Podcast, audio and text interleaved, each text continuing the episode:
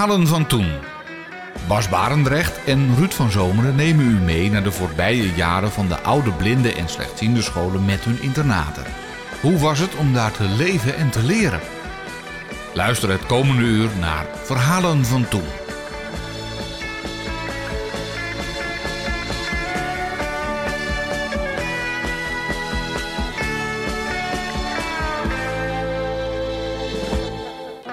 Verhaal van toen van vandaag wordt verteld door Inge Takke en begint in 1973. Aan haar niet te missen zachte G kun je wel horen waar het verhaal zich afspeelt. Ik was net zes geworden toen ik naar de Wijnberg ging. Ik heb in totaal uh, zeven jaar uh, op instituten gezeten, mijn hele lagere schoolperiode. En uh, ik, was, ik ben in de zomerjarig en ik werd in 1973 werd ik zes. En toen ehm, was de kleuterschooltijd. Ik had twee jaar op de kleuterschool gezeten in, in Velp, waar ik vandaan kom.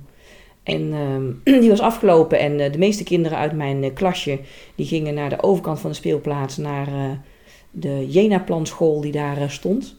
En, um, en ik was samen met nog een jongetje bij mij in de klas... Die, wij gingen naar een internaat en dat vond ik behoorlijk interessant. Ik dacht dat dat heel leuk was. hoewel ik wel beter had kunnen weten... want ik, ik heb een oudere broer die al een jaar of vijf op Henricus zat...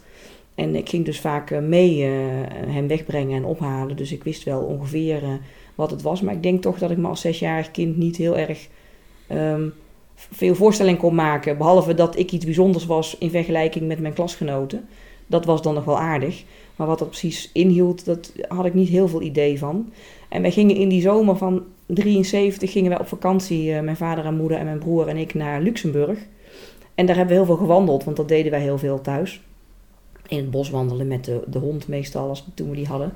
En uh, ik had toen een uh, liesbreuk opgelopen. Dat uh, is eigenlijk een beetje een oude mannenkwaal, maar het schijnt bij jonge kinderen ook nog wel eens voor te komen. En ze zeiden toen, ik weet niet of dat waar is, maar dat dat kwam van, van het wandelen in heuvelachtig gebied wat we toen hadden gedaan.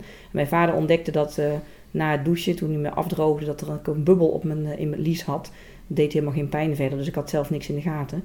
Maar dan moest ik aan geopereerd worden en dat gebeurde aan het eind van de zomervakantie. En dat betekende dat ik uh, drie weken uitstel had, want ik uh, mocht dus uh, drie weken thuis blijven. Dat wil zeggen tien dagen in het ziekenhuis, dat kon toen nog.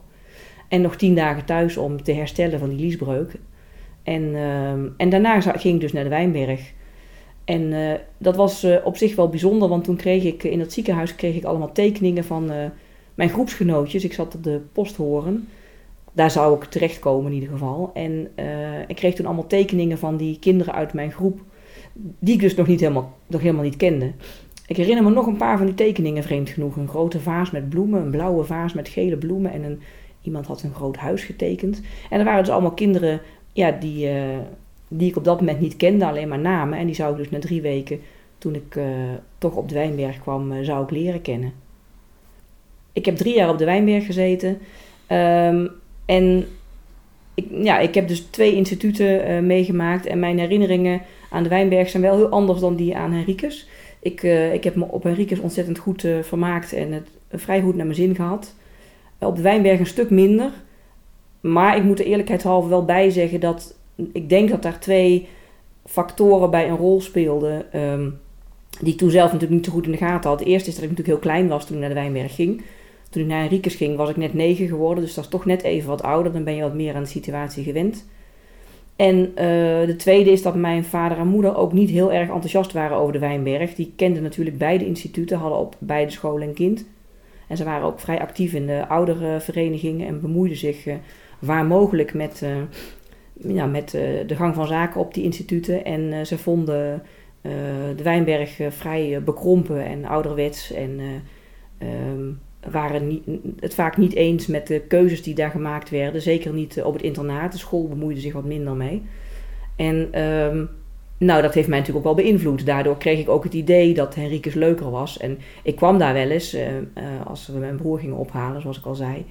En dan um, kon je daar in de speeltuin spelen. Dat was een veel leukere, mooiere speeltuin dan op de Wijnberg. En uh, ze, ja, ze hadden daar altijd veel meer leuke spullen en zo. Ik denk dat er veel meer geld zat daar bij Henricus op de een of andere manier. Want ze uh, hadden ook een mooie kinderboerderij. Dat was op, uh, op de Wijnberg was dat een beetje een shabby geheel.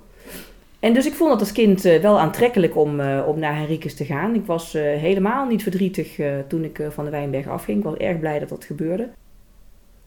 Wat op de Wijnberg een rol speelde, was dat daar heel veel, zoals dat toen heette, moeilijk lerende kinderen zaten. En dat waren dus kinderen die ehm, eigenlijk niet zo goed met het normale schoolsysteem konden meekomen. Die natuurlijk vaak ook aanvullende handicaps hadden, die behalve blind of slechtziend uh, wat meer uh, problemen hadden. Die zaten wel bij ons in de groep. En uh, die hadden wel een aparte school. Dat was een aparte moeilijk lerende school. Die moeilijk lerende kinderen, die zat je wel mee in de groep. En daar werd heel vaak... Um, werd, was de sfeer erg gericht op die kinderen. Ik herinner me dat wij in de groep in de posthoorn hadden wij één meisje die moeilijk lerend was. En die ouders waren zeer actief ook betrokken bij, bij het instituut.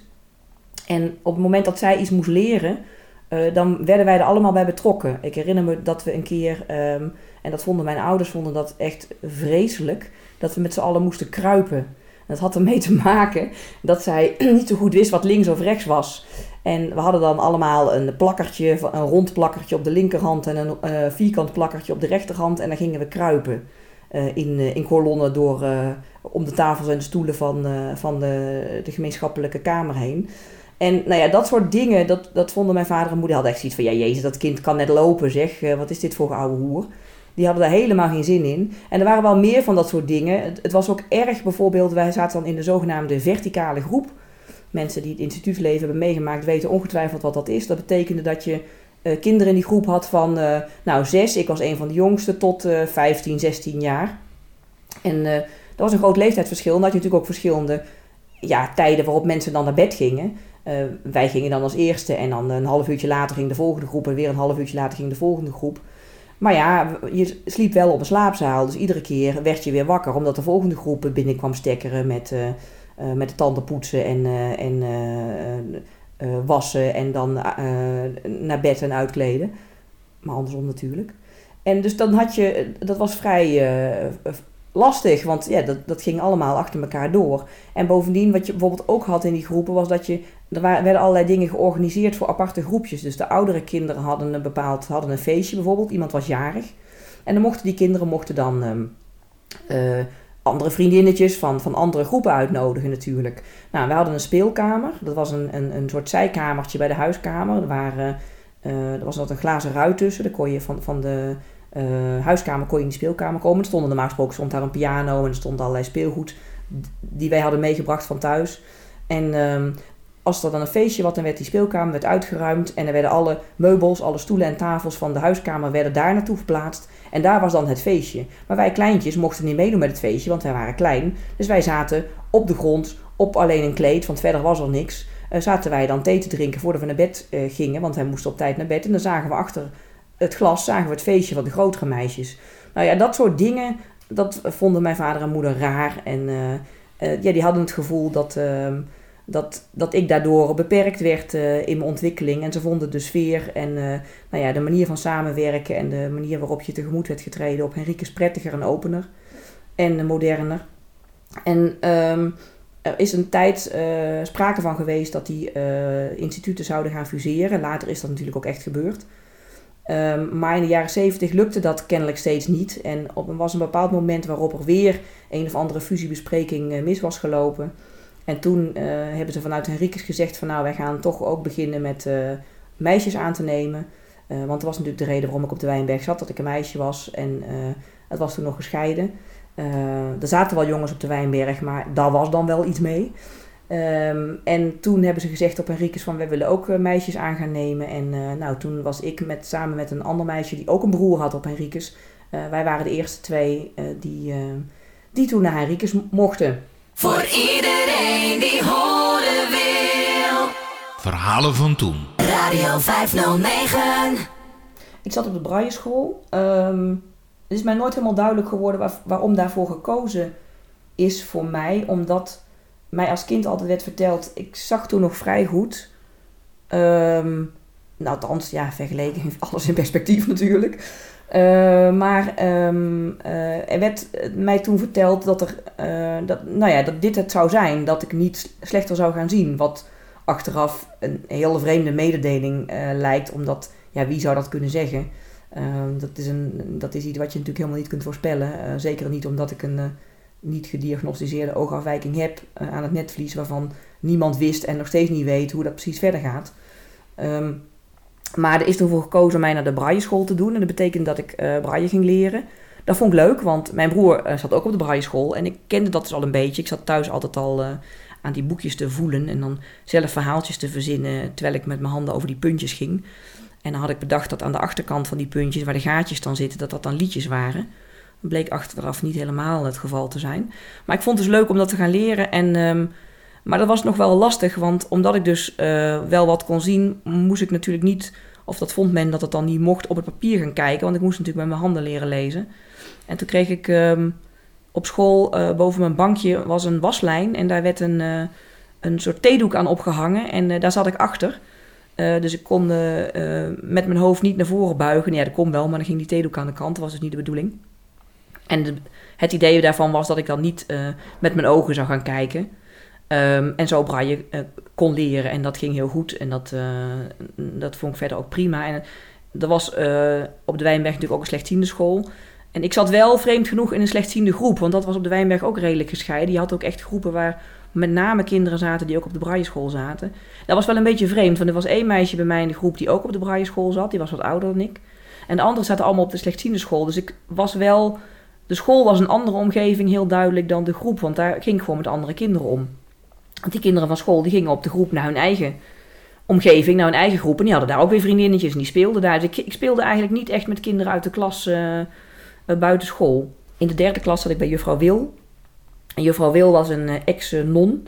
Zij was voorheen bekend als zuster Bernardine. Toen heb ik haar ook nog gekend. Maar op een gegeven moment is ze uitgetreden omdat zij een man leerde kennen. Een bakker, als ik me niet vergis. Vond ik best romantisch.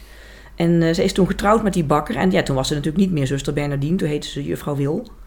En uh, was nogal een excentrieke dame, want die kwam ook altijd met een heel klein hondje naar school. En dat hondje dat had ze in een hokje. En dat hokje dat was, dat, dat had ze buiten de klas. Ja, er was een soort uh, brede vensterbank buiten het raam. En daar had ze een soort hokje gemaakt. Dus dat hondje werd dan door het raam naar buiten gewerkt. En dat zat dan de hele tijd in dat hokje. En juffrouw Wil die kwam toen aan met, um, met zwartdrukboekjes. ik herinner me iets van Tim en Tom geloof ik of zo. En dat begon ik mee te... Ik had mezelf zwartdruk leren lezen. Gewoon door thuis met mijn moeder samen, met mijn vader de letters te oefenen. Um, ja, ik vond het wel een beetje raar dat je dan hoofd- en, en kleine letters had. Want dat had je in braille dan niet. Dat maakt het natuurlijk extra moeilijk. Maar ik vond het wel leuk om dat te leren. Omdat er natuurlijk in zwartdrukboeken ook plaatjes stonden. En dat had je in braille natuurlijk niet. En ik heb mezelf dat toen geleerd. En omdat dat, ik dat toen een beetje kon, vonden ze dat natuurlijk wel leuk. En toen heeft juffrouw Wil, uh, die gaf toen, uh, kwam toen met boekjes aan die ik dan uh, in zwartdruk mocht lezen. Dus dat vond ik wel heel interessant. En dat heb ik dus later, nadat ik zelf dus, of ja, op school natuurlijk goed had leren lezen en schrijven, inmiddels in braille, heb ik later zwartdruk geleerd. Um, maar het is fijn om, om, dat braille te kennen, dat is toch je, je basis. En ik ben altijd heel tevreden dat die keuze voor mij toen gemaakt is om, um, om me naar de braille school te doen. Want dat gaf toch wel uh, ja, zekerheid en veiligheid. En in ieder geval niet de situatie wat je natuurlijk ook kunt hebben, dat je iedere keer een stap terug moet doen. Eerst met een, uh, met een loop, dan met een, een grotere loop, dan met een tv-loop. Ja, die fase heb ik natuurlijk ook meegemaakt. Maar ik had altijd dat braille ernaast. En dat was een zekerheid, iets wat ik altijd kon doen en waar ik altijd snel in ben gebleven. En dat was, dat was heel prettig. En ik vond die school ook leuk, op de Wijnberg ook. Op Henricus trouwens ook. Ik heb altijd eigenlijk wel de beste herinneringen aan de school gehad. Er werd altijd erg veel aandacht aan je besteed. En... En wat ik me ook herinner was dat er heel veel materialen waren die echt werden gemaakt, die echt handmatig werden gemaakt om je iets te leren. Van de Wijnberg herinner ik me dat we een groot, ja, dat was een houten, houten bord, een plat uh, vierkant uh, bord met uh, wat verdeeld in vakjes. En zat een soort tape tussen. En elk vakje had, drie, had zes uh, gaatjes, zoals uh, uh, nou ja, je letters maakt in braille. En daar gingen een soort platte kopspijkertjes in. En daarmee kon je dus spelenderwijs letters maken. En dat soort dingen hadden we in het begin om, ja, om dat te, te, leren, om dat in je vingers te krijgen. En ik denk stiekem ook wel een beetje, omdat dat braillepapier natuurlijk best wel duur was.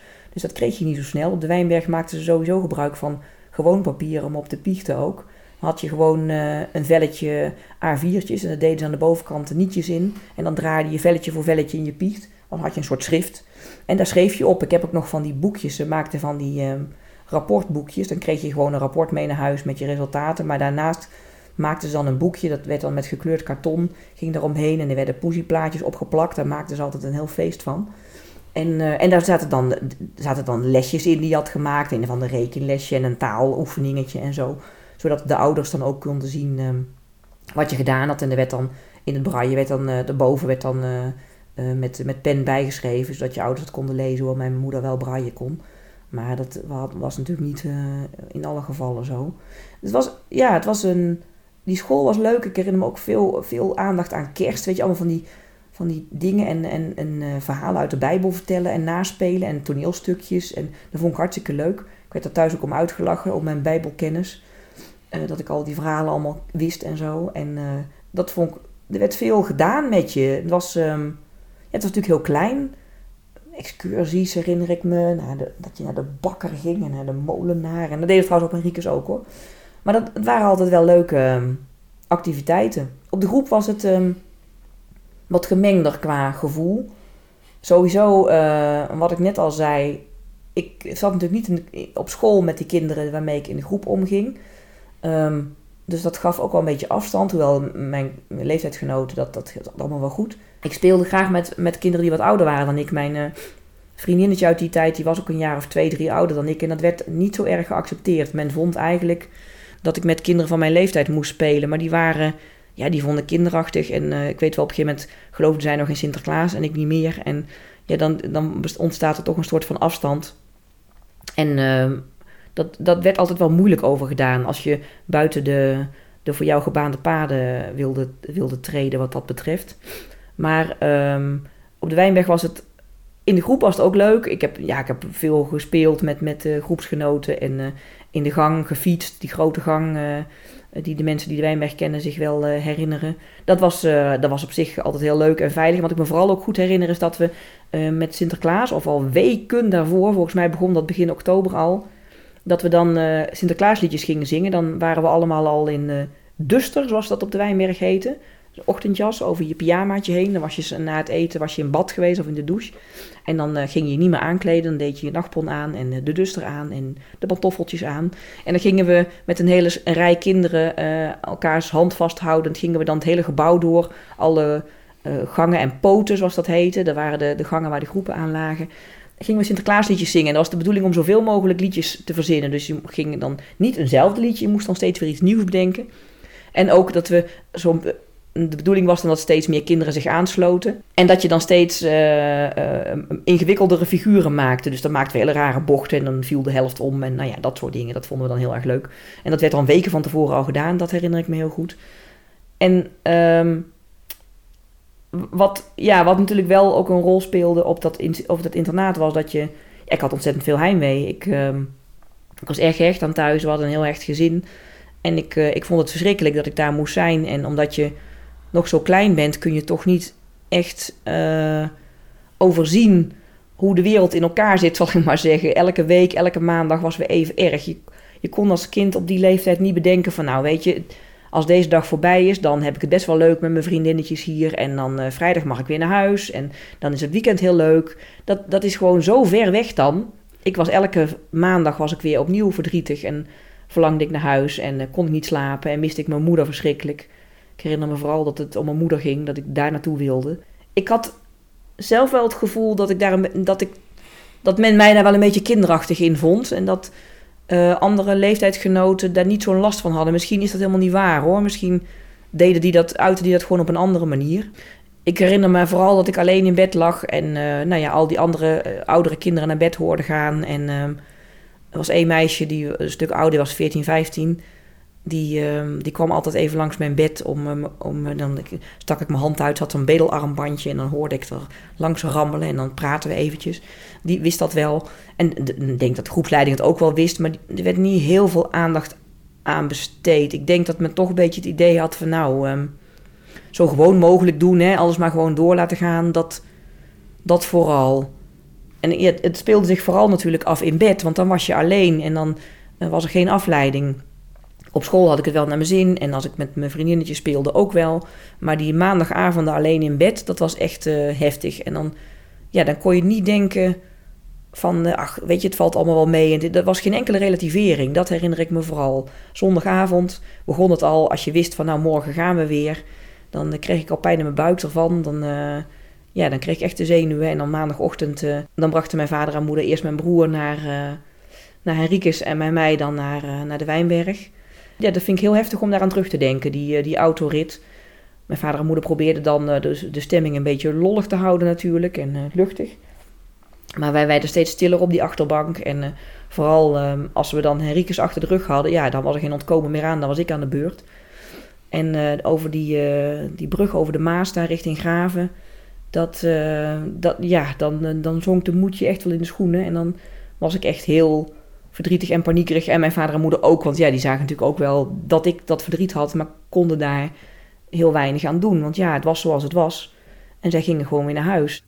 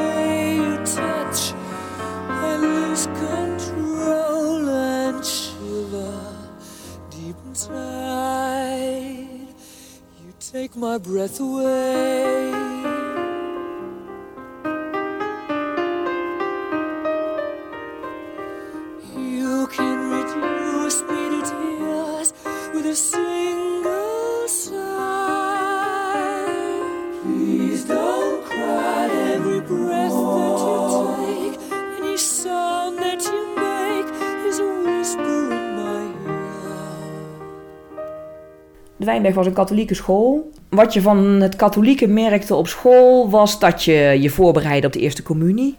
Die heb ik in 75 gedaan met de klasgenoten. Dat was, ja, dat was een feestje, dat was gewoon leuk.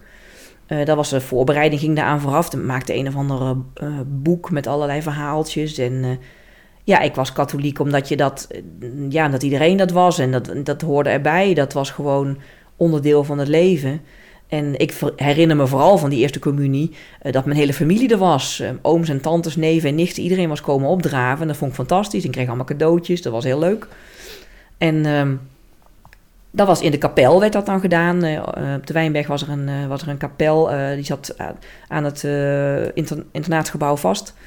Het was een mooie kapel, beetje zo'n soort ronde ruimte met van die ja, gekleurde, gekleurde ramen. was een hele mooie ruimte. Er zullen ongetwijfeld ook wel met kerst en met Pasen vieringen zijn geweest, maar dat kan ik me niet zo heel erg herinneren.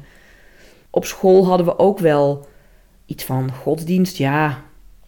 Er werd ook de Bijbel gele- voorgelezen, ver- verhalen. En dat vond ik gewoon mooie verhalen. De nonnen speelden niet echt meer een rol in de tijd dat ik daar zat. Op school had je, had je zuster Bernardine, die later eh uittrad en juffrouw Wil werd. En je had zuster Hermani, herinner ik me. Die deed, ehm, was een hele rare zuster. Een hele rare neuzige stem. Die, eh, die deed altijd de was. Die waste je zwem- en je gymspullen. En eh, zuster Johanna had je. Die was van de, van de moeilijk lerende kinderen. En wij hadden eh, handwerkles van zuster Godefridia. En ja, die woonde denk ik in dat klooster. Maar dat klooster dat was aan het eind van de gang. Je had aan het eind van de grote gang had je de keuken. de, de grote keuken, daar kwamen wij wel vaak, want daar moest je de, daar werden kar, met karren op, op kleine wieltjes. Er waren twee plateaus op, op kleine wieltjes. En er zat een handvat aan en dat kon daar stond allerlei. ehm er werd sowieso in, tussen de middag werd daar het eh, warm eten op eh, eh, gebracht. Maar s'avonds ook ging, gingen wij dat halen. ehm, en er lag brood op en beleg en een mand met, met fruit en eieren, herinner ik me. Dat gingen we daar halen. Dus daar kwamen we wel in die keuken. Ook wel eens om daar rond te snuffelen. En achter die keuken was het klooster. En dat was helemaal verboden terrein. Daar, daar durfde ik echt niet te komen. Daar ben ik nooit geweest.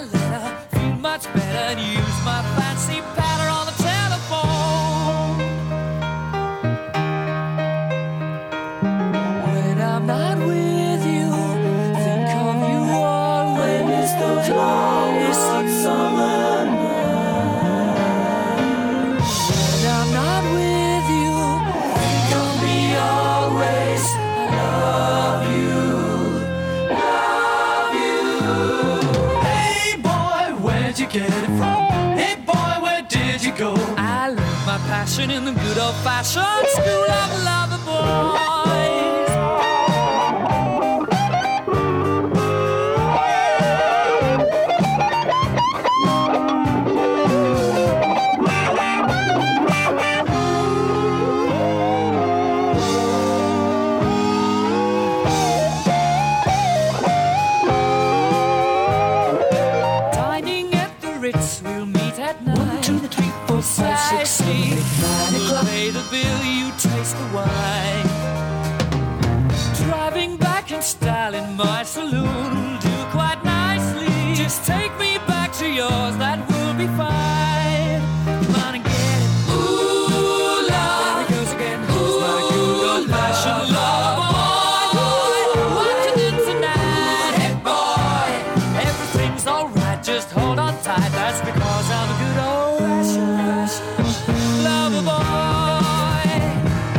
In 1976 ben ik naar Henriques gegaan. Ehm, we waren dus met twee eh, eh, meisjes, eh, intern voor het eerst. Er zaten wel meisjes op Henriques, twee, maar die waren extern, want die woonden in Nijmegen zelf. Dus die, die gingen s'avonds naar huis, dus dat telt toch niet echt mee, externe. Er moest natuurlijk wel wat georganiseerd worden ehm, om, eh, zo- zodat, voor die meisjes die er zouden komen. Althans, eh, dat vond men op Henriques. En eh, mijn moeder vond dat vooral ook. Die heeft zich daar intensief mee bezig gehouden. Eh, er werd op een gegeven moment besloten in welke groep ik dan zou komen. En, of wij, moet ik zeggen. En toen is er ook een kamer voor ons gemaakt. Dus een helft van een slaapzaal is omgebouwd tot, eh, tot kamer voor, eh, voor ons eh, meisjes. Want er was natuurlijk geen sprake van dat wij op de zaal met de jongens zouden komen te slapen. Dat was natuurlijk niet de bedoeling. Eh, en volgens mij had je toen op Henriques alleen nog maar in ieder geval eh, die, die, die lagere groepen waar de jongere kinderen zaten, had je alleen maar zalen. Eh, dat waren vrij grote zalen waar tien, eh, tien kinderen sliepen. Allebei, aan allebei de kanten eh, vijf bedden met een eh, muurtje ertussen met eh, voor iedereen een wastafeltje. En eh, precies eh, waar die muur met die wastafel zat, daar werd een scheidswandje gemaakt. En eh daar werd een kamer voor ons gemaakt met ehm, leuk gekleurde gordijnen. Iets met paars en oranje, wat toen natuurlijk hartstikke hip was. En, ehm, en nou, daar, daar kwamen wij te slapen. En we werden, werden planten natuurlijk meegenomen. Want ja, dat moest natuurlijk gezellig worden gemaakt. En ik herinner me een, een tafel met een tafelkleedje en dat soort, eh, dat soort dingen. En verder, eh, ja, werden wij daar, eh, ja, waren wij daar gewoon. Was het niet zo heel bijzonder hoor. Ik bedoel, toen we er eenmaal waren, misschien dat die jongens van tevoren wel het allemaal wel spannend vonden. Maar toen we eenmaal binnen waren, was daar nu natuurlijk niet zo heel veel meer aan de hand. Ik kwam toen in de klas bij juffrouw Menne en ehm dat was derde en vierde klas geloof ik of zo samen. En toen bleek ook wel dat ik op de Wijnberg wat achtergeraakt was. Want ik zou eigenlijk naar de vierde klas moeten, maar ik was daar nog niet helemaal klaar voor qua schoolprestaties. en ehm, daarom heb ik ook zeven jaar over de lagere school gedaan. Omdat ik ja, dat eigenlijk die derde, vierde klas dan eh, twee keer eh, heb gedaan. Ik geloof ook wel dat ik op die leeftijd ook wel goed met jongens om kon schiet, op kon schieten. Ik vond het leuk altijd om met jongens te spelen. Meisjes, dat, ja, dat vond, ik- had ik vaak toch wat meer... ehm, ik vond het wel leuk om, eh, ja, om buiten te spelen en eh, nou ja, allerlei eh, spelletjes te doen en zo. En met, met meisjes kon je wel leuk met poppen spelen, maar verder vaak toch niet zo. En poppen spelen vond ik ook leuk, maar ik vond andere dingen ook wel leuk om te doen. Dus ik, ik, vond, ik had het wel naar mijn zin eigenlijk in die klas met die, met die jongetjes. Ik, ik had zelf wel het idee dat ehm, er op Enriquez wel iets meer tempo in zat. Ehm, maar dat weet ik ook niet helemaal zeker, want het ging toch allemaal redelijk eh, op maat, zeg maar. Je zat met z'n, ik geloof dat we in die eerste klas eh, bij juffrouw Menne, nou ik geloof dat mensen een stuk of negen in de klas zaten. En iedereen volgde eigenlijk wel een beetje zijn eigen programma. Ik was bijvoorbeeld met rekenen behoorlijk achter, want daar ben ik altijd slecht in geweest en dat is ook zo gebleven. Dat was altijd een drama. En vooral de, de, de die op Henriques vraagstukjes heten, die eh, was ik helemaal niet goed in.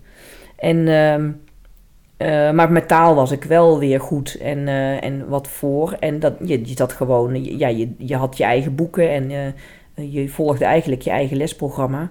En wat ik me er zo van herinner, had je vooral morgens dan een beetje de klassieke dingen. Dus nou ja, het rekenen en, en taal en dat soort dingen. En ging je smiddags wat meer klassikalere dingen doen. Hadden we ook bijvoorbeeld wereldoriëntatie. Het was een soort combinatie tussen geschiedenis, aardrijkskunde, biologie. En dat was altijd een project. Dat, dat werd dan nooit, eh, werd altijd thematisch aangepakt. Dus dan was er een project over voedsel of een project over eh, consumeren, herinner ik me. Of een project over het weer. En dan werd er van alles gedaan in de klas ook helemaal eh, allerlei dingen ge- gecreaat en eh, opgehangen en gekleid. En nou ja, het was heel veel aanschouwelijk onderwijs wat dat betreft. Dat herinner ik me echt heel goed. Dat je, je tuintjes had waar je van alles in, in ging eh, opkweken. En dat, er, eh, dat we dan moesten opschrijven van wat er dan allemaal gebeurde met onze plantjes. En eh, dat we het bos ingingen. Dat was op Henriques natuurlijk nogal makkelijk. Want als je de, de, school uitstapte, stond je in het bos. En dan gingen we de bladeren van de beuk en de eik en de kastanje onderscheiden. Dat soort, dat soort dingen, daar waren we altijd heel erg druk mee. En ehm, ja, wat ik me wel van Henriques meer herinner in vergelijking met de Wijnberg... was dat je ehm, in de pauzes veel vrijer werd gelaten. Wij hadden s en s middags eh, een, een pauze en dan... eh, eh, konden we op Henriques eigenlijk wel behoorlijk doen wat we wilden. Dan, wij bleven vaak in de klas, want dat vonden we dan leuk. En dan gingen we daar van allerlei spelletjes doen. En je kon ook wel naar buiten, dat deden we ook wel. Dan, daar kon je ook spelen op de speelplaats of onder de trap of in het bos. Maar dat, dat, dat mocht allemaal wel. Terwijl op de Wijnweg werd dat wat meer gereguleerd wat je dan, wat je dan deed. Ik zat twee jaar bij juffrouw Men in de klas en dat, dat vond ik dat was een hele leuke juf. En de laatste twee jaar zat ik bij, eh, bij meneer Tier. Dat vond ik wel een beetje een moeilijke docent. Ik denk dat hij eh, didactisch zeg maar, af, achteraf gezien best goed was. Maar ik vond hem soms wel een beetje eng, want ik begreep hem soms niet goed. Hij liet je soms gewoon maar wat doen. En dan, eh, dat vond ik wel een beetje bedreigend. Dat je dan aan je lot overgelaten werd en dan moest je maar zien wat je ging doen. Dat vond ik best wel eng. Ik wilde dan graag toch wel duidelijkheid. Dat vond ik dan niet zo fijn. Maar ehm, denk dat het op zich wel een goede docent was. Maar er zaten ook meer. We, we zaten later ook in gemengde klassen, zou ik bijna zeggen. In eerste instantie kwam ik op de Brailleschool, ook op Henriques. Maar na een jaar ging dat bij elkaar. Toen moesten wij naar de slechtzienenschool. Dat heette integratie, noemden ze dat. Ik vond dat heel raar, want wij hadden het heel erg naar ons zin op die Brailleschool. Daar hadden we namelijk het Rijk voor ons alleen. Dus hadden we alleen boven zat de MAVO en verder hadden we ons eigen klasje en dat was het. Maar op de slechtziendenschool kreeg je natuurlijk met veel meer kinderen te maken. Want ja, er zijn nou eenmaal veel meer kinderen op de slechtziendenschool dan op de Brailleschool. Dat zal overal zo zijn geweest. En, eh, en werd het wat drukker om ons heen. Dat vonden wij niet zo erg leuk. Maar we bleven in eerste instantie wel in een klas met alleen braille kinderen. Maar later, toen werden de klassen echt eh, een soort van gemengd. Dan had je ook slechtziende kinderen bij je in de klas. En ehm, ja, dat vond ik niet altijd leuk. Maar ehm, het, het leverde wel allerlei eh, afwisseling op. Want je had dus ook meerdere docenten. Wij hadden in die laatste jaar, in het laatste jaar hadden we geloof ik al drie eh, mensen die ons wel eens les kwamen geven. Ik weet niet wat dat allemaal voor types waren. Ehm, en of dat allemaal parttimers waren, hoe dat allemaal was geregeld. Maar we hadden, we hadden inderdaad drie eh, mensen die voor die klas stonden, zo nu en dan. En dat gaf ook wel wat leuke dynamiek, want ieder had dan meer zijn eigen hobby, zal ik maar zeggen.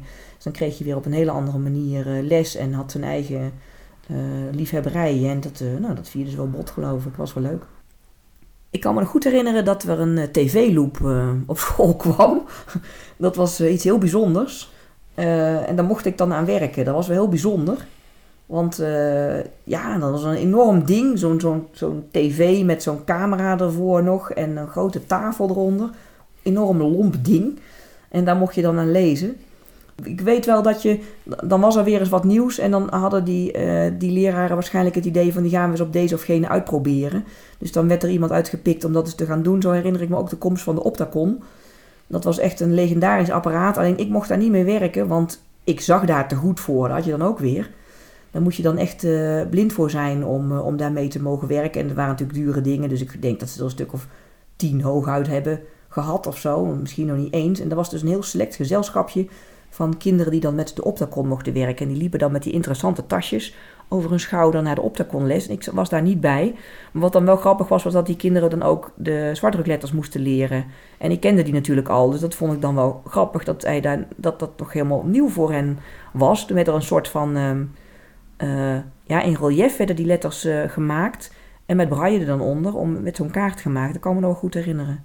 En ook dat je van zo'n apparaat had waarmee je dan eh, in plastic eh, van die eh, kaarten kon maken. En een soort, ja, soort, soort, soort, wat is het? stencils-achtige dingen kon je dan maken. Was van dat vreselijke plastic waar je dan je vingers op een stuk piepte. Maar dat was heel modern. Dan, kon je dus meerdere exemplaren van boeken maken en zo. En van nou ja, korte dingen die je wilde lezen. En een kaarten of een, een eh, plattegrond. Dat waren zeer moderne dingen toen de tijd. De ouderwetse eh, hulpmiddelen die we hadden, bijvoorbeeld, eh, we hadden een, er waren verschillende kaarten gemaakt van linoleum, dus landkaarten bedoel ik. Dat waren vierkante ja, platen van linoleum en die werden aan elkaar gelegd. En dan kreeg je een, kreeg je een, kon je een kaart van leggen. Dus we hadden een, in de hal lag er een tijd een kaart van Europa. We hadden er eentje in de klas van Nederland. Dan had je de zee en de, het land voelde dan anders aan. En je had ook, ze hadden een, eh, een, de, de grens getrokken. Daar kon je pinnetjes in doen, eh, in steken. En dan had je de grens gemarkeerd. En er stonden ook een paar eh, belangrijke steden en zo op. Daar kon je overheen kruipen of lopen. Dat vond ik altijd erg leuk. We hadden ook van die houten kaarten. Die waren meer voor op je tafel te leggen. Die waren kleiner. Die kon je, er was ja, A4-formaat niet, wel wat groter. Maar je kon ze op je bank leggen. En je had ook bijvoorbeeld kaarten waar je, eh, een kaart van Nederland hadden waar je de provincies uit kon nemen. Dat was een soort puzzel eigenlijk. En eh, die waren allemaal nog door de fraters eh, gemaakt. Die waren in mijn tijd al niet meer heel erg actief. Er waren er nog een paar. Maar je kende er nog wel een paar. Die liepen daar nog wel rond. En er waren er nog wel die, wel die wel dingen ja, maakten en daarmee bezig waren. Die hebben echt heel veel eh, handmatig eh, in elkaar geprikt en getimmerd en geknutseld. We hadden ehm, altijd, als ik me goed herinner, van, van 9 tot 12 's ochtends school. En dan waren we vrij, hadden we middagpauze. Dan gingen we warm eten. En de MAVO-mensen, er was ook een MAVO op Henricus, eh, of andere... Ja, die, zaten ook mensen buiten Henricus op de middelbare school. Die kwamen natuurlijk tussen de middag niet thuis. Maar de MAVO-mensen die moesten geloof ik alweer om 1 uur naar school. En wij hadden dan nog tot half twee vrij, als ik me goed herinner. En dan had je weer school tot 4 uur. En daarna was je vrij. En dus eh, woensdagmiddag was je sowieso smiddags vrij. Dus er was veel tijd om, eh, om te spelen, om op avontuur te gaan. We waren veel buiten, mijn, in mijn herinnering. Veel op het terrein eh, spelen. Ehm, ja, er was geen verkeer. Het was hartstikke veilig. Je kon daar steppen, fietsen, rondrennen, wat dan ook. Henricus lag in een, ehm, in een bos. Eh, achter de, zeg maar de, de, de, groepen, daar had je, daar had je ook nog een heel stuk bos. Dat liep nog flink en door. Daar kwamen we niet zo vaak. Daar, daar reden soms wel eens met de huifkar rond vanuit de kinderboerderij. Of er werd wel paard gereden in dat bos. Maar niet heel veel. Maar ik vond het wel leuk om daar op avontuur te gaan. Voor mijn gevoel dan. Ik verzonde allerlei verhalen bij. We hebben wel eens een hut gebouwd en dat soort dingen. Maar wat ook heel erg leuk was, was om ehm, in het hoofdgebouw op avontuur te gaan. Want dat hoofdgebouw, dat was een vrij ingewikkeld gebouw van opzet. Zat vrij lastig in elkaar. Met allerlei leuke doorgangetjes en eh, trapjes en binnenplaatsjes met vijvers met rare vissen. En eh, er was ook zo'n rare bastion onder. Een soort grote, ja, mm, nou, een soort superparkeergarage. Ik weet eigenlijk helemaal niet waar dat voor diende. Maar het wa- het was een heel raar gebouw. En eh, dat vond ik altijd leuk om daar rond te lopen met vriendinnen en verhaaltjes te verzinnen. En nou ja, daar maakten we dan allerlei avonturen mee die we zelf verzonden. Of we speelden ook vaak verhalen van boeken na. Dat was dan ook altijd heel leuk. Ik weet niet waarom we dat deden, maar dat vonden we heel leuk. En, ehm, dus, en, en veel in de speeltuin. Dan, daar was je natuurlijk ook veel om. Ja, daar, was, daar hing je dan rond. En in de groep eh, speelden we ook veel in, in, in de huiskamer. De huiskamer van die groep die lag enigszins boven het maaiveld, zal ik maar zeggen. Dus je liep altijd, elk gebouw wat je in moest, moest je een klein trapje op van een, van een tree of, of zes, zeven. En eh, dus je had onder elk gebouw had je een souterrain waar, met, met, een raampje boven de grond. En daar had je een soort kelder. Dat was, er werden verschillende dingen mee gedaan. Er waren kelders, daar had je tafeltennis, tafels in of eh, dat soort dingen. Ehm, er werd van alles in die kelders gedaan aan, aan spelletjes. En je had eh, helemaal binnenin, dus er zat geen raam in, daar had je de zogenaamde BB-kelder. Daar moest je dan schuilen als de Derde Wereldoorlog uitbrak. En dat waren kelders waar bijvoorbeeld vaak feestjes werden gegeven. Daar eh, werd disco gemaakt, en gekleurde lampjes en eh, wat muziek. En dan had je al snel een disco. En, ehm, en we hadden ook een officiële disco op Henricus op een gegeven moment. Dat was ergens groep 8, dacht ik, dat ze dat hadden gemaakt. Eh daaronder in de kelder, dan had je in de gewone kelder had je dan dansvloer. En in de BB-kelder hadden ze een bar gemaakt. En dan had je op donderdagavond was daar, was daar disco. Ja, dat was toen net in de tijd van Grease en dat soort, dat soort muziek. Dat was allemaal erg interessant. Maar ik was toen echt nog een beetje te klein voor dat soort dingen. Want ik was ook een, een vrij, eh, ja, ik was toen eh, ja, 10, 11. Ik was ook nog een, wel een vrij kinderlijk kind, denk ik. Ik was nog echt een poppenspeler en een avonturenbelever en dat soort dingen. Ik was nog niet erg bezig met, eh, met dansen en laat staan met jongens. Dat was, dat was helemaal nog niet aan de orde. Daar, dat vond ik helemaal niet interessant. En, ehm, dus, maar er was veel te spelen en te beleven en te doen. En we hadden ook vaak dat we s'avonds, eh, volgens mij twee avonden in de week, dan kon je... Het zwembad was dan open, dan mocht je ja, gewoon vrij zwemmen. Dus dat was gewoon spelen en klieren in het zwembad eigenlijk. En we deden, er wa- waren ook allerlei clubjes. Ik zat op volksdansen en ik heb ook een tijdje dramatische expressie gedaan. Dan mocht je allerlei toneelspeeldingen en improvisatie en zo doen. was erg leuk. En ehm je had natuurlijk muziekles. We hadden op school muziek van, eh, van meneer Kerkhoff. En eh, dat was gewoon eh, muziektheorie. Best saai, vonden wij niet echt veel aan. Moest je een, een liedje noteren wat hij dan eh, dicteerde. Nou, dat moest je dan instuderen op je, op je fluit. Nou, dat was niet echt goed in. En de meeste kinderen, ik, ik ook, hadden ook nog hadden ook privéles. En dan eh, iedereen speelde wel bijna een instrument. In ieder geval mij in de klas herinner ik me wel. Ik heb een jaar blokfluit gedaan en daarna heb ik dwarsfluit gedaan.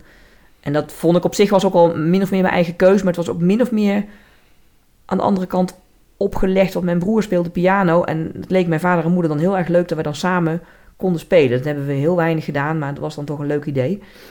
En heb nog jaren gespeeld. En eh, er werden ook veel ehm, eh, ja, dingen ingestudeerd. Eh, met kerst hadden we altijd een kerstviering voor de kerstvakantie begon. In de aula in het hoofdgebouw. En dan werden er allerlei... ja, dan deden we met volksdansen vaak wel iets. En deed vaak mee aan koortjes die allerlei kerstliedjes deden. En eh, we hadden ook wel eens een kerstmusical. En ik moest ook wel eens iets op mijn dwarsfluit spelen. En eh, dat, dat soort dingen. En we hebben ook, ehm, ook een keer een grote musical eh, gedaan, Adieu Paris. Er we- er werden vaker musicals gedaan. Maar in mijn tijd heb ik er eentje meegemaakt. Waar ik ook zelf aan mee mocht doen. En dat was wel een leuk spektakel. Want dat was in mei eh 78, geloof ik, werd dat opgevoerd. Twee keer hebben we het gedaan. En we zijn daar vanaf de kerstvakantie zo'n beetje mee bezig geweest. Met veel repetities, koorrepetities. En we hadden ook nog repetitie met de hoofdrolspelers. Want we moesten, er zat veel Frans in die eh, musical. Dat speelde zich in Parijs af. En wij, wij kennen natuurlijk geen Frans, want we waren nog niet aan de middelbare school toe. En dan eh, kregen we les van, eh, van meneer Knops, de leraar Frans. Om de juiste uitspraken in te studeren van, van alles wat we moesten roepen. En, ehm, en later gingen we dan ook op het toneel eh, repeteren. Dat was echt wel heel leuk. Dus er was wel van alles te doen eh, s s'avonds. Mijn vader en moeder waren ook vaak daarbij betrokken. Want niet van mijn vader, want die, eh, die deed ook een clubje. Die gaf elektrotechniek. Daar deed ik zelf natuurlijk niet aan mee, want dat interesseerde mij als meisje natuurlijk geen moer. En, eh, Maar dat vonden, waren wel jongens die dat leuk eh, vonden. En die, eh, ja, die deden dan, weet ik wat, gingen ze kleine radiootjes in elkaar zetten. En een belletje en een lampje. En eh, dat soort dingen. Gewoon op simpele manier leren hoe, eh, hoe elektriciteit, eh, hoe je daar dingen van kan, hoe dat werkt en hoe je daar dingen van kunt maken. Dat heeft hij ook nog, is hij ook nog blijven doen nadat wij niet meer eh, op Henricus zaten. Mijn vader en moeder waren veel op school aanwezig op het instituut. Mijn moeder was er op een gegeven moment op donderdag altijd op school te helpen in de bibliotheek.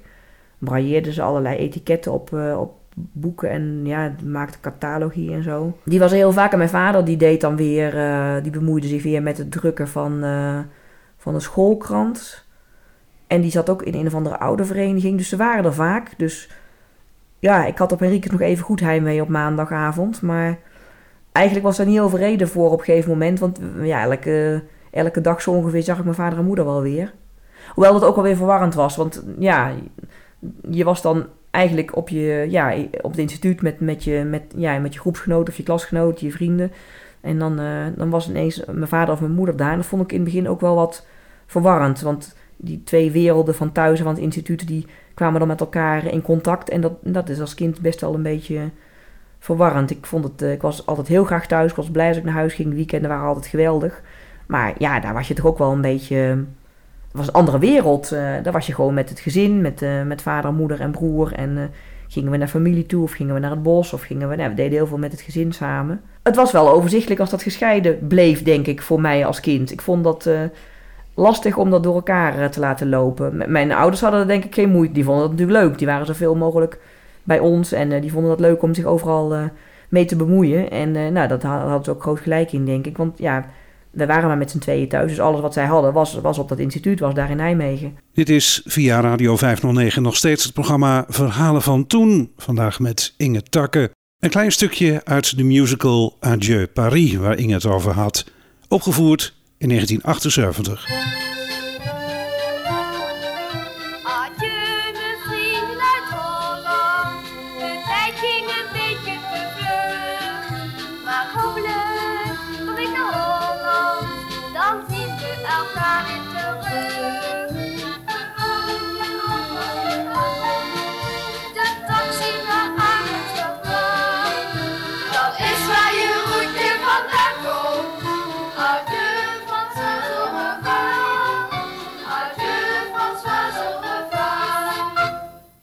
In 1980 was ik eh, klaar met de lagere school. En toen, eh, in die tijd, was het al ehm, wat in de mode geraakt om eh, bij elk kind te gaan kijken van, nou, wat kan die gaan doen? Kan die thuis op school, zoals dat dan heette, dus thuis middelbaar onderwijs gaan volgen, of op Henricus, of vanuit Henricus, want dat kon natuurlijk ook. Je kon, je kon naar de MAVO op Henricus, maar meer was daar eigenlijk niet qua scholing. Dus als je HAVO of meer wilde, dan, moest je, dan ging je naar de Elshof. En dan ging je vanuit, dan bleef je op Henricus wonen, maar dan ging je daar eh, je schoolopleiding volgen. Dat heb ik niet gedaan. Ik ben eh, na de lagere school ben ik eh, naar huis gegaan, zoals dat toen heette. En dat was wel heel spannend. Ik herinner me dat, je, dat we ehm, in dat laatste jaar allerlei testjes moesten doen. Nou ja, zoals je tegenwoordig de CITO-toets hebt, hadden wij ook allerlei soorten toetsen, rekentoetsen, taaltoetsen, allerlei intelligentietoetsjes. Die kreeg je op school. En je ging ook een dag ging je naar de psycholoog en dan ben je daar helemaal eh, doorgetoetst. Moest je allerlei mm, ja, ja, blokkenfiguren leggen en tekeningetjes maken. En eh, van allerlei dingen moest je doen. En dat, de bedoeling daarvan was volgens mij om, om echt nou ja, alles eruit te halen wat erin zat, zal ik maar zeggen. Om een zo compleet mogelijk beeld van het kind te krijgen en wat de mogelijkheden dan waren. En ehm, er volgde dan een gesprek eh, met je ouders. En daarin werd dan, ik neem aan, ik weet niet precies hoe dat verliep, want ik was daar natuurlijk niet bij. Maar ik neem aan dat daar dan een paar autoriteiten vanuit Henricus eh, zaten. eh, en, en, en mijn vader en moeder dan. En dan werd er eh, besproken van, nou, hoe zal het verder gaan? En het hoogste goed was toch wel als je naar huis kon, als je thuis op school mocht. Want ja, dat, ja, bedoel, dat was natuurlijk best wel leuk op dat internaat. Maar dat was toch wat iedereen eigenlijk wilde, denk ik, naar huis. Dat was toch wel een, een belangrijk streven. En ik herinner me nog goed dat dat gesprek dan over mij was. En dat dan mijn vader en moeder daarna op de groep kwamen. En ja hoor, ik mocht dan naar huis. En ehm, nou, ze hadden dan eh, bedacht dat het dan eh, wel goed zou zijn als ik dan eh, naar de MAVO zou gaan. Dat had de psycholoog mij ook voorgetekend, herinner ik me. Dat ik dan eerst naar de MAVO zou gaan en daarna kon ik dan doorstromen naar de HAVO en dan kon ik naar het HBO. En dan zou ik journalistiek kunnen gaan doen, want dat wilde ik toen graag. En ehm, eh, nou de reden waarom ik toen naar de MAVO ben gegaan is niet omdat ik dat, eh, omdat dat nou qua een niveau het beste zou zijn, maar vooral omdat ik nog een vrij kinderlijk eh, kind was. En ehm, eh, mijn vader en moeder het een prettig idee vonden. Die MAVO was bij ons in de buurt en daar kon ik makkelijk zelf naartoe. En, en dan kon ik nog lekker op straat spelen en nou ja, doen wat ik verder nog allemaal gemist had in die tijd dat ik op Henrike zat, denk ik. En dat heb ik ook gedaan. eh, veel buiten gespeeld en verstoppertje gedaan en zo later eh, nog eh, toen ik 13 was op de, in de brugklastijd. Want die school was natuurlijk, ja, dat was voor mij niet heel ingewikkeld allemaal. En daardoor hield ik veel tijd over om allerlei leuke dingen te doen. Dus dat was een prettige overgangsperiode. dus, ehm, dus dat ben ik toen gaan doen. En dat was dus ja, het einde van mijn internaatscarrière. Je had toen de zogenaamde ambulante begeleiders. Dat was toen redelijk nieuw, denk ik. Eh, later zijn heel veel van, van de leraren die ik me van Henriques herinner, zijn in die ambulante begeleiding gegaan. Omdat er natuurlijk steeds minder kinderen op dat instituut eh, zaten. eh, is dat steeds meer verschoven. Maar in die tijd was dat nog een vrij nieuw fenomeen. En je kreeg toen een ambulant begeleider toegewezen. En die, ja, die kwam dan af en toe eens op school. En die legde het contact ook, denk ik, met de ouders samen, met de school waar je dan naartoe ging. En zorgde ervoor, ja, in mijn geval dan Eerste jaar is dat nog gebeurd, in ieder geval daarna niet meer, want toen ben ik gestopt met braaien. Maar dat ik al mijn eh, schoolboeken in braaien kreeg en dat soort dingen. Ja, ik herinner me wel eh, dat die persoon er was en dat hij ook wel eens langskwam. Maar niet dat ik hem nou heel erg nodig had, eerlijk gezegd. Want toen ik eenmaal van het instituut af was, heb ik me ook vrij snel in, eh, nou ja, in, in, in de gewone boze buitenwereld weten te redden, zal ik maar zeggen. Ik heb niet, niet echt heel veel eh, aan die man gehad, maar dat lag niet aan hem. Dat lag vooral aan dat ik die behoefte niet had, eh, denk ik. Op een gegeven moment was het natuurlijk in, de, in het laatste jaar zo, eh, toen we in de zesde klas zaten, dat ja, voor veel kinderen zou gaan gelden dat ze naar, naar buiten zouden gaan. Dat ze naar een gewone school zouden gaan. Tussen de zienden. En nou, dat werd dan wel besproken in de klas, van hoe dat dan zou zijn. En toen zijn we ook een keer gaan oefenen, gingen we elkaar uitschelden. Om dan te oefenen hoe dat dan was als je dan voor schelen en blinde mannetje uitgescholden zou worden en zo. En eh, ja, het ik heb daar niet heel veel van opgestoken, maar ik heb later nog wel erg om gelachen. Het was wel een aardige poging om ons enigszins te wapenen tegen de boze buitenwereld waar wij mee te maken zouden krijgen. Maar goed, dat loopt natuurlijk altijd anders dan je, dan je denkt. En eh, die overgang was echt wel groot, maar eh, ja, het was, daar stond ook heel veel tegenover. Want ja, er werd echt een, wel, wel een- over nagedacht van, dat, er moet iets gebeuren. Want straks gaan die kinderen ja, tussen in een grote klas met allemaal ziende kinderen... die alles sneller en beter kunnen en zo. En daar moeten ze wel enigszins op voorbereid zijn. Dat is iets wat ik nog wel wil zeggen, dat ik... ehm, terugkijkend op die, eh, op die instituutsperiode wel... ehm, ondanks de heimwee die ik heb gehad en ondanks de, de minder leuke dingen die er waren, het wel als een hele nuttige periode heb ervaren. Waar ik, ehm, nou ja, als toch vrij, ja, een beetje bangelijk, verlegen kind wat ik toen nog was. Het is later wel helemaal goed gekomen wat dat betreft. eh, wel heel erg mezelf heb kunnen zijn. En eh, het is gewoon heel erg leuk als je in een klas zit of in een, in een groep kinderen zit, waarbij je ook eens een keer de snelste en de, eh, weet je, de, de, mee, waar je, mee, met alles mee kunt doen. Het lijkt me zo erg voor kinderen die ehm, van begin af aan tussenziende kinderen zitten, dat je altijd, altijd de slomste, altijd de laatste bent. Dat je nooit eens een keer eh, lekker als eerste ergens er tegenaan kunt rennen. Bedoel, dat lijkt me, ja, ik denk dat, dat elk kind, en zeker een kind die niet zo ehm, assertief meteen is, dat hij dat ook wel, wel nodig eh, heeft. En ik, ik heb dat altijd wel zeer eh, gewaardeerd, zeker in retroperspectief. Dat, dat ik die periode heb gehad. Dat ik in, in die periode van mijn jeugd eh, ja, een veilige plek heb gehad op dat instituut. Waar, eh, ja, waar mensen zaten die hetzelfde hadden als jij. Waardoor die hele handicap, dat hele gedoe met die ogen geen enkele rol speelde. Daar hadden we het ook nooit over. Niemand wist van elkaar wat voor oogziekte je had. Dat was maar een issue, daar had je het niet over. Dat, dat viel gewoon weg, omdat je, je had allemaal hetzelfde. Dus dat eh, maakte geen moer uit. Ik weet wel, er was één jongetje bij ons in de klas... En die zei op een gegeven moment, toen we het over hadden, wat zou je nou graag willen? Zei hij dat hij goedziend zouden willen zijn. Nou, wij lachten hem echt vierkant uit. Heb jij het nou over, man? Vond echt belachelijk. Dat, was, dat wilden wij helemaal niet. Wij vonden het prima zoals het was. En pas later, als je wat ouder wordt en uh, tussenziende mensen terechtkomt, dan merk je pas veel meer hoe uitzonderlijk je bent en hoe anders je toch altijd bent en hoe je toch altijd mensen je op je plek wijzen dat je echte dingen niet kunt die zij absoluut wel kunnen. En dat ook zeer blijven benadrukken. En dat is niet altijd leuk en daar wen je ook wel weer aan. Maar ik ben blij dat ik een periode heb gehad waarin dat in ieder geval niet speelde. En waarin je ja, veilig eh, wat dat betreft eh, groot kon worden en jezelf kon ontwikkelen.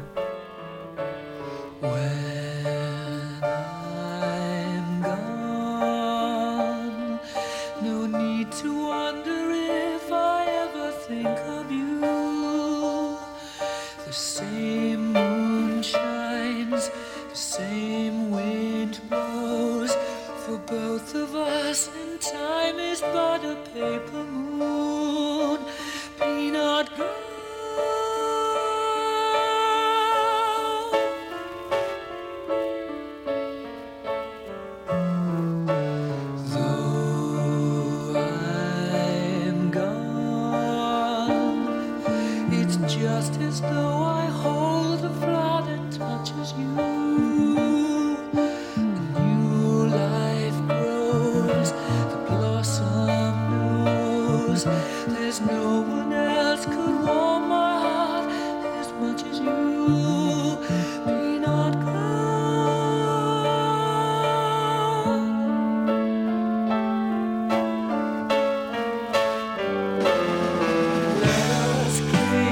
Together as the years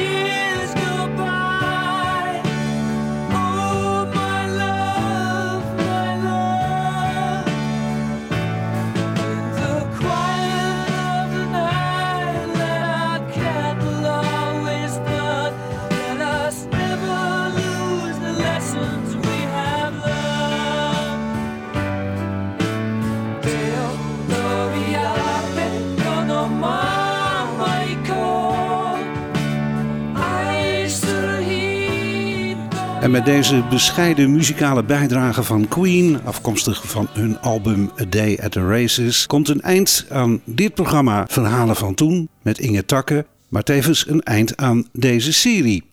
Maar niet getreurd, want na de zomer gaan we weer verder. Hou daarvoor de media en onze site radio509.nl in de gaten.